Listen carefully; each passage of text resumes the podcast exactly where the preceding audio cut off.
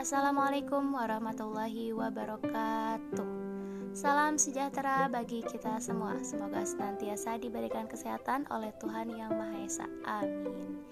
Perkenalkan nama saya Nita Raspinia dengan NIM 1903452 Pendidikan Kewarganegaraan 2019A. Saya mengapresiasi kepada tim penyaji yaitu Saudara Ica dan Saudara Suci selaku kelompok 5 yang telah memaparkan materi. Kelompok penyaji sudah memaparkan materi dengan sebaik mungkin dan saya merasa itu sudah cukup baik baik dari penampilan Salidia maupun penampilan podcast.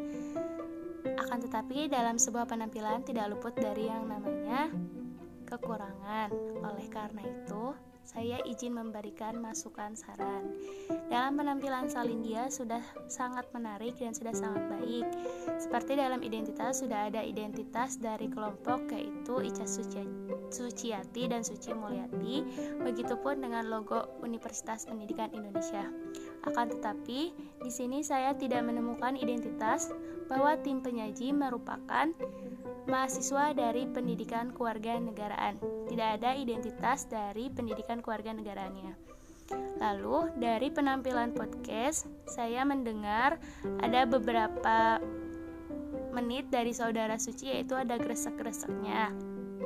Alangkah lebih baiknya untuk diminimalisir dan juga untuk saudara Ica sudah sangat baik akan tetapi masih banyak kata e-e-nya dan alangkah lebih baiknya apabila dialek itu sedikit diminimalisir agar pendengar bisa mendengarkan secara optimal. Sekian masukan dari saya. Apabila saran dari saya terdapat kesalahan, mohon untuk dikoreksi.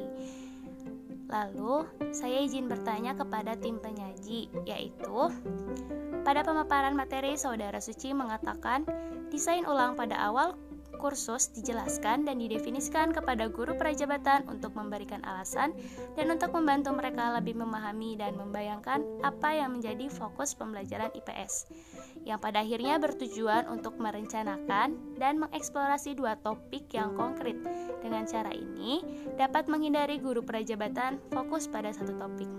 Lalu, bagaimanakah jika pada akhirnya guru prajabatan masih belum bisa memahami fokus pembelajaran IPS dan belum bisa mengeksplorasi dua topik?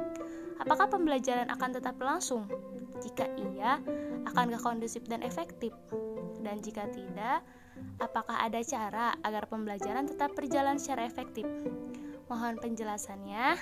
Sekian yang bisa saya sampaikan. Kurang lebihnya mohon dimaafkan. Wabillahi taufiq walhidayah. Wassalamualaikum warahmatullahi wabarakatuh. Terima kasih.